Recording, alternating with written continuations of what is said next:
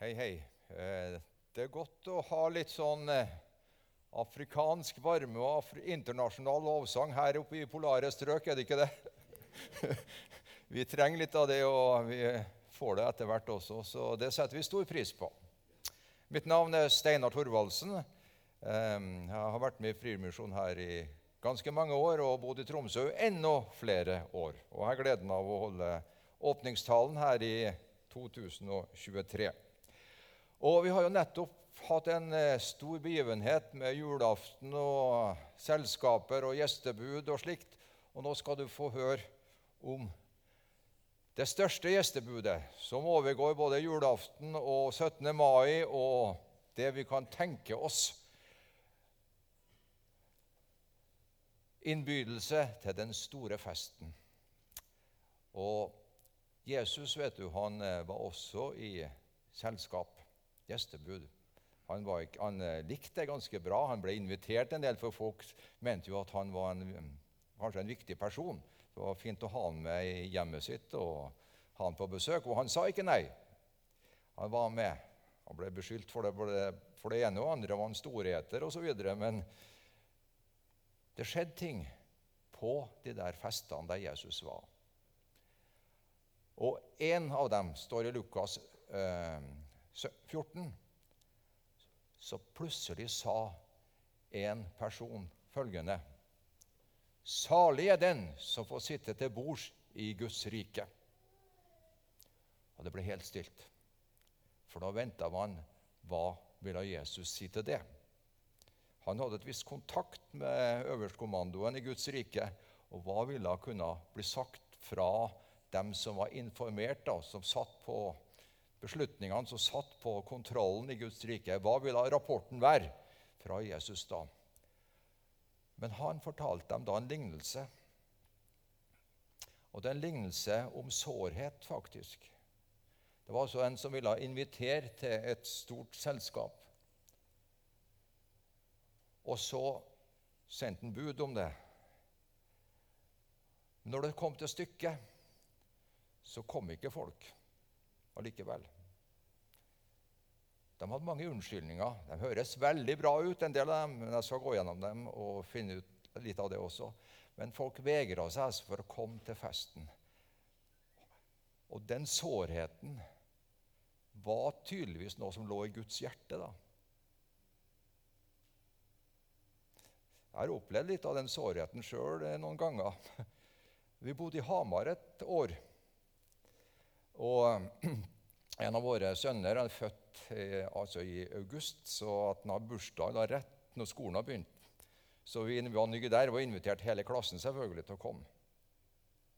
Og Han var så spent, husker jeg. Han gikk og trippa. Hvem kommer nå? Hvem kommer i min bursdag når jeg kommer på et nytt sted i verden? Så kom det tre. Jeg husker hjertet hos han. Og det slo inn hos pappaen også. Det kom bare tre. Vi var nye. Vi, var, ja, vi ville forvente at det kom. Vi hadde dekt på. vi hadde gjestebud. Det var klart liksom, for unger. Vi hadde leker som det skulle være for mange barn også. Der var det tre stykker. Ja, ja. Men eh, det var en av dem.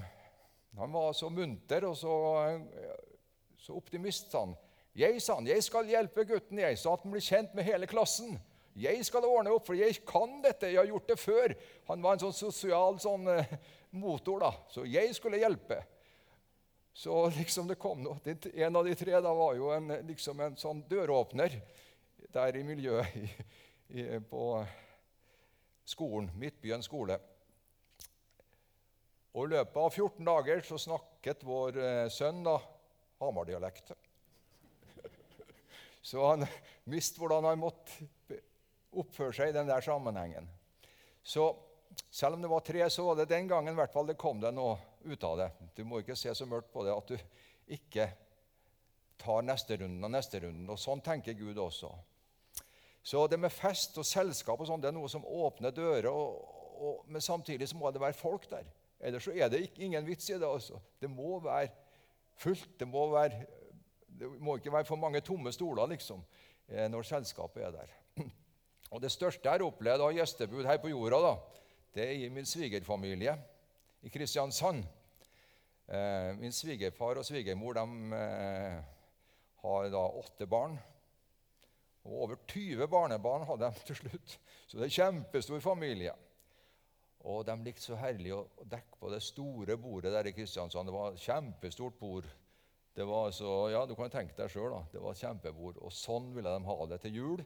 Og de inviterte, og det var et fantastisk tilhørighet. Jeg kom jo som en fremmed der i begynnelsen, altså det var jo litt overveldende. Men, men liksom tonen og stemningen og fellesskapet var der veldig sterkt. Så jeg har den der minnet også på den gode sida. Et annet eksempel fra vår litteratur det er Babettes gjestebud av en dansk forfatter som heter Karen Bliksten. Og Det gikk på Hålogaland teater for noen år siden. Og vi var så det. Det, liksom, eh, det var rystende å være med på et sånt gjestebud. altså.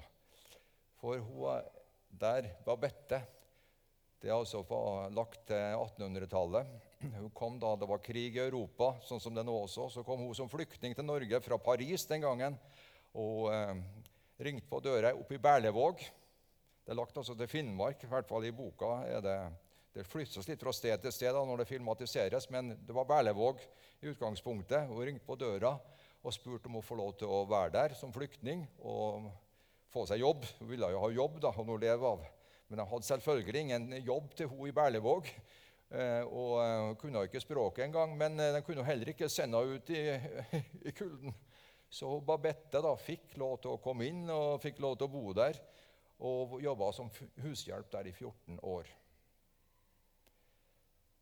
Og så, etter de 14 årene, så fikk hun en stor arv, eller et gevinst i et lotteri. Det var snakk om eh, i Frankrike. da, var et superlotteri. Hun var plutselig enormt rik. Og Da trengte de selvfølgelig Nå reiser hun tilbake til sitt eh, land. og sånt. Det gjorde hun ikke. Ja, Hun reiste en liten tur, for hun hadde, ville bruke en del av pengene til et gjestebud. Det var Babettes gjestebud. da. Så hun skulle lage et overdådig, enormt gjestebud som skulle overgå alt. Og Hemmeligheten var at hun var egentlig utdanna mesterkokk fra det franske kjøkken. La cuisine française, som er noe av det beste i verden. Og eh, Hun reiste da til Frankrike for å skaffe varer til det gjestebudet. Og kom opp da med mange collie som skulle bruke til gjestebudet, og dekka på. Og det er da historier rundt den der forsamlinga som møtes. Det er de fra Berlevåg. De sitter litt og nedbøyd. og sånt. Det er flere eldre der. Og så er det de to hos, de to søstrene der. Og deres far de feira en slags hundreårsdag for faren, som var død. Og De var invitert til en oberst og en operasjef som hadde også kontakter der oppe, som var fra den eh, gruppa også. Og så var det de berlevågingene, det er muligens læstadianerne, som er bildet bak der, da, ideen bak der, men de satt der og skulle ha et gjestebud. Og Det kom overdådige mengder mat som jeg aldri har sett i livet før. Og Det var vin på bordet. Og han der obersten han hadde, var litt verdensbevant, så han eh, hadde reist rundt omkring og fortalte om hvor, eh, hvor, dyrt det kunne være ute i verden, at det fantes vin og, og slikt som kosta eh, flere titusen kroner flaska. Og så eh, fortsetter festen, og så plutselig står han der obersten, og det husker jeg fra Hålogaland teater, og så på denne flaska. Dette er vin til over 10 000 kroner flasken! Så han oppdaga plutselig at her er jo alt som kan skaffes av varer og, og, mat og ting som de aldri har vært med på før. Selv ikke obersten har vært på det nivået. Og operasjefen også. At, og da varmes miljøet, liksom, så man klarer å møtes i en fellesnevner både de strenge eh, eh forsamlinga fra menighetsmiljøet der og den der folkene fra øverste klasse. De møtes i et fellesskap rundt et flott, fantastisk, døråpnende, hjerteåpnende måltid. Det er Babettes gjestebud. Og han, eh, Obersten siterer, han holder en tale og siterer fra Salme 85.: Miskunn og sannhet det rettskaffende sannhet og miskunnheten og det fra det øverste klasser skal skal vi se skal møtes. Eh,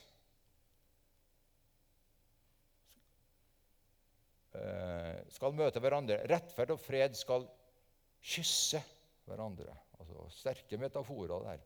Et, et, et kyss fra eh, freden og rettferdigheten var rundt det der måltidet.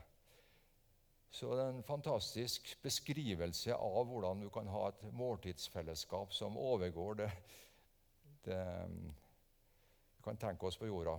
Selv eh, så jeg for meg at det der kunne være et møte, et møte mellom hyrdene på marken og de vise menn. Det var to stykker som møttes, møtte opp ved Jesu fødsel. Ikke samtidig, fra helt forskjellige lag. da.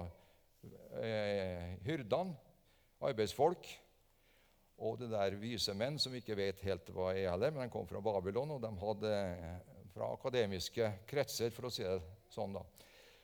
De, hvis de kunne møtes, hva skulle de snakke om? Det var to helt forskjellige typer. Men de møttes ved Jesu fødsel og de var også, kan vi tenke oss, i gjestebudet til slutt. Så det der er metaforer, det der er ting som vi kan tenke oss, og som eh, er skrevet eh, skuespill om og eh, illustrert da, i vår litteratur. Laget, det, er på film og det er Babettes gjestebud, så vi kan kanskje vise den en gang i Frimisjonen. Ja. La oss ta historia slik den er nedtegna og gå gjennom den.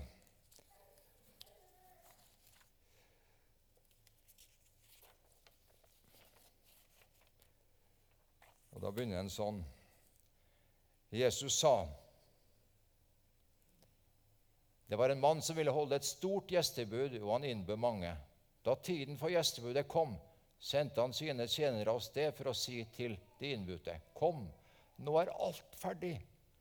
Men de begynte å unnskylde seg den ene etter den andre. En sa, 'Jeg har kjøpt et jordstykke og må ut og se på det. Vær så vennlig å ha meg unnskyldt.' Det første detaljen vi legger merke til, at først innbød han mange, og senere sendte han ut sine tjenere for å si, 'Nå er alt ferdig'. Altså Det var dobbel innbydelse. Og Det var vanlig på den tida. Først annonserte du det med dag og sånt. Og så, Det var jo ikke så mye klokker og, slikt, så da, og kalender, slik at når dagen kom, så sendte du ut calling nummer to. da. Nå er alt ferdig. Nå kommer du. Så Det er veldig viktig opplysning i denne fortellinga at, eh, at var, den tiden var det slik. Og den første unnskyldninga da 'Jeg har kjøpt et jordstykke og må ut og se på det'. Selvfølgelig, det er ingen som kjøper et jordstykke uten å ha sett på det på forhånd. Så det var en slags fiktiv unnskyldning at en, skulle, ikke skulle komme til det gjestebudet. Ok, To andre unnskyldninger. En annen sa jeg har kjøpt fem par okser og skal ut og prøve dem. Vær så snill å ha meg unnskyldt. Og en tredje sa jeg har nettopp giftet meg, så jeg kan ikke komme. Tjeneren kom tilbake og fortalte dette da ble hans herre harm og sa til han, Gå straks ut på byens gater. Eh, gå straks ut på byens gater ja, og streder og hente inn de fattige og vannføre, blinde og lamme. Unnskyldning nummer to at du kjøpte deg noen eh, okser. Klart du vil ikke, Som profesjonell eh, jorddyrker så vil du ikke kjøpe okser uten å ha sett dem på forhånd. Så Det var også en oppkonstruert unnskyldning, hvis du ser detaljene i teksten. Og nummer tre den høres jo veldig veldig tilforlatelig ut. Han gifta seg. Da må du jo nest, i hvert fall kunne ha en god unnskyldning til å ikke komme til det der selskapet. Men det har gått ut to innbydelser. og du, den tida var det eh, trolovelse, og så var det bryllup. Og selvfølgelig, når første innbydelse gikk, så visste du når du skulle gifte deg, for det var ikke noe som skjedde hurten i sturten. slik at det er også oppkonstruert hvis du ser detaljene og kjenner bakgrunnen for denne teksten. Så alt dette er litt sånn på kanten av å være reelle case. Det er snakk om å finne unnskyldninger. Og det er da han som har invitert, får den der sorgen i sitt hjerte. Og så tar han skritt nummer to og tre. For han vil nemlig ikke at det skal være tomt i huset når, bryllup, nei, når eh, festmaten kommer. Gå straks ut, byens gater og streder, og hent inn de fattige og vannføre, lamme og blinde. Gå ut på nytt. Og for en rik person i den tida hvis det var tilhørt overklassen, så var det bortimot sosialt selvmord å gå ut og hente inn vannføre og lamme og blinde som tilhørte en annen liksom, gruppe, en annen kaste, etter datidens tankegang. Det var ganske brutalt å gå ut på den måten og hente eh, fattige, vannføre, lamme og blinde på gater og streder. Det er altså gater og streder i byen. Da. Altså, gate, eh, altså det er litt sånn eh, opparbeida, litt urbane forhold du går og henter folk på. Og så sier tjeneren, da, sendebudet, 'Herre, det er gjort som du sa, men det er ennå plass.' Da sa Herren til tjeneren, 'Gå ut på veiene og stiene og nød folk til å komme inn, så mitt hus kan bli fullt.' For det sier dere, ingen av dem som var innbudt, skal få være i mitt gjestebud. Så da er det på andre calling så er det da veiene og stiene. Der er altså lasaronene holdt til. Det er ute i bushen. Det er utafor byen. De som ikke er velkommen i byen engang. Gå der også og hent folk. Han vil ikke ha et nei for et nei. Gå, samle i mitt rike. Nøde folk til å komme inn. Vi kjenner jo litt eh, ordet 'nøde' fra norsk kultur også. Når du, det har med mat og sånt Du skal nøde. I Trøndelag så skulle du nøde tre ganger for å få folk til å komme til maten. Og uh, tredje gangen så var det Det var da du nådde grensen. Her var det to nødinger da, i, i, forskjellige kontekster. Men tross alt, det viser noe av Guds bankende, levende, aktive hjerte for at folk skal komme inn i det her Guds rike og vært til stede. For i Guds rike er det mange rom, og han vil ha oss med i det. Så vi kan alle være evangelister. Temaet er jo sendt i Frimisjonen, eh, denne eh, fasen vi er inne i nå. Vi har tro først, så har vi å sende, og så har vi plante. Nå, det her er med sende å gjøre. Vi er den type evangelister som skal gå ut og nøde, hente, bidra, at folk kommer inn i himmelens rike, som er, overgår alle de andre festene som vi kan eh, tenke oss her på jorda. Det er den ultimate gjestebudet, det store gjestebudet. Og Her ser du litt av det å være en, ifølge noen eh, kunst, tegnere Der er en som nøder. Han hjelper han der vannføre eller blinde, eller hva han er for noe. Der ser du to også ungdommer som leier han der gamlingen der fra gater og streder eller fra, fra bushen en plass. Leier han fram til det store selskapet og, og mottagelsen som er der på den andre sida. Der ser du hvordan folk står og englene står og ønsker velkommen. Her er det du egentlig var skapt til å være med i det fullkomne Gudsriket. Og vi er slike nødere, slike som leier slike som hjelper de forskjellige typene mennesker til å nå fullendelsen. Det er et oppdrag, altså. Det er ikke noe småtteri, det der. For det, vi har noen julaftener her på jorda, men så er det slutt. Men ikke hvis du lever i tro og får med deg folk og, lever, og så tenker til Guds rike. Da har du noe enda mer i vente, nemlig den, den himmelske saken. Så jeg vil at vi skal tenke litt på det å være slike budbringere, slike ambassadører for å bringe folk med oss inn i det fullbyrda, det eventyrlige, det som overgår alt som vi kan tenke oss her på jorda. Det er altså det som venter oss. Det var det som snak, Jesus snakka om midt i et vanlig selskap. Han var ikke skvetten altså for å si fra. Og så har han en sorglinje også. Ingen av dem som først var innbudt, skal få være med i Guds fullendte rike og den festen. Du må si et ja. Du må liksom konfirmere at du går for det her, at du vil henge deg på. Det skulle jo bare mangle. Hvis Du, eh, ellers måtte han jo sendt ut soldater for å hente inn folk. Og fengsla dem, og, eller arrestert arresterte dem og brank dem med tvang inn i Guds rike. Men slik er det ikke. Han sendte sånne som oss. De skal bare invitere og legge det beste i det og si at det er noe viktig og stort. Og nøde, det skal vi gjøre, men du skal ikke tvinge. Så dette er utfordringa i det nye året. Eh, å være slike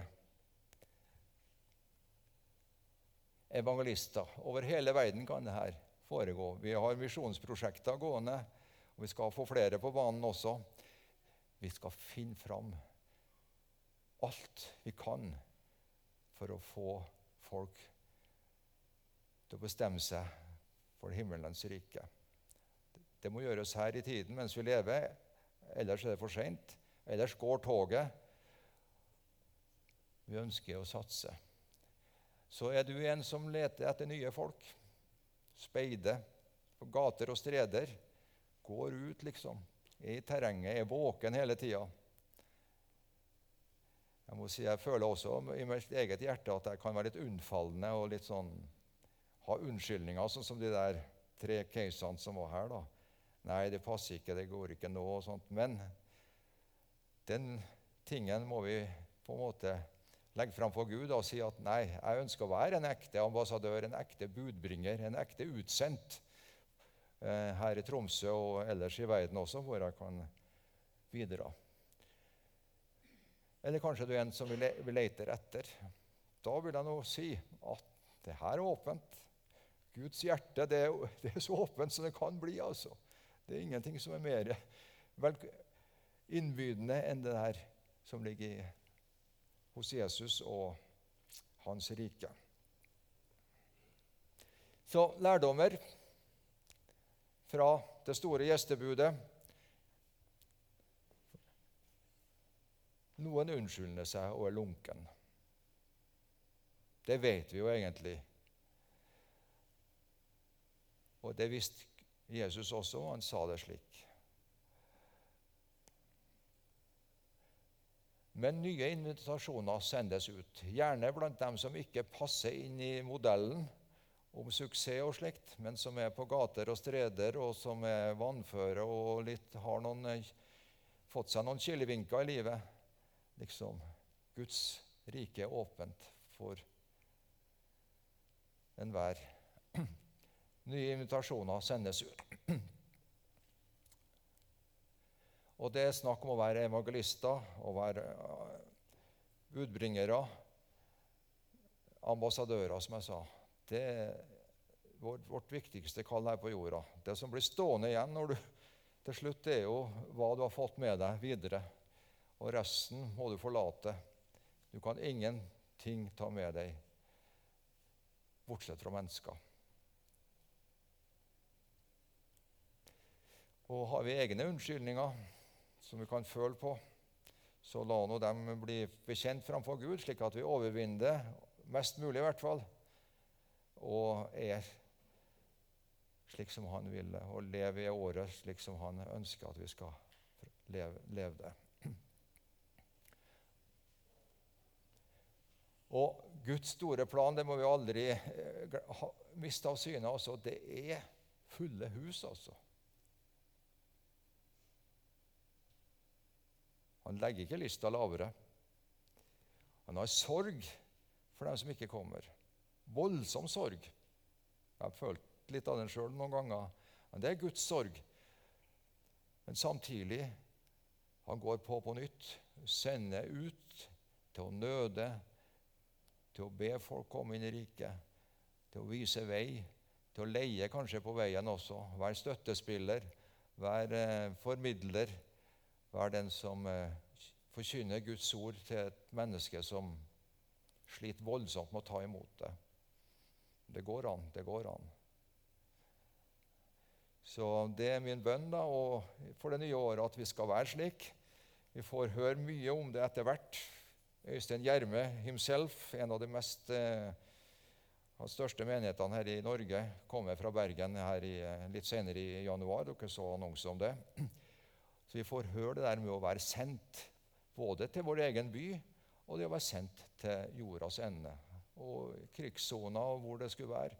Der er det folk fra Guds rike som går og inviterer og inviterer. Eh, I Ukraina noe av det minst redde folkene der, det er kristne folk. For vi, vi, vet jo at det, det, går bra til slutt allikevel. Samme om det, vi blir skutt eller ødelagt og herja med, så har vi en, liksom en seiersvilje og et seiershåp da, som ikke oss, gir oss skrekk for å møte vanskeligheter. Så det her er et godt programområde å jobbe, gå seg fram i. Og la oss be for det. Far, vi fornemmer din, eh, ditt alvor i denne lignelsen, din sårhet over dem som avviser. Men hjelp oss å ha ditt hjerte og din holdning i vårt egen personlighet og ha ditt perspektiv slik som du ønsker det, Jesus. Riv den selvtilfredsheten vi kan ha ut av oss, slik at vi har din nød, ditt pågangsmot i vårt hjerte, i, i vårt hjerte her i Frimisjonen. Vi ønsker å finne det som du har tenkt for vår verden. Hjelp oss å være lydhør og gå ut med din invitasjon. Det ber vi om for oss som sitter her, og for dine folk i hele landet og hele verden, at vi er slike budbringere om den fantastisk store tingen som venter på oss. Takk for at alt er beredt, alt er klart. Det er bare å få sluttfasen gjort unna. Amen.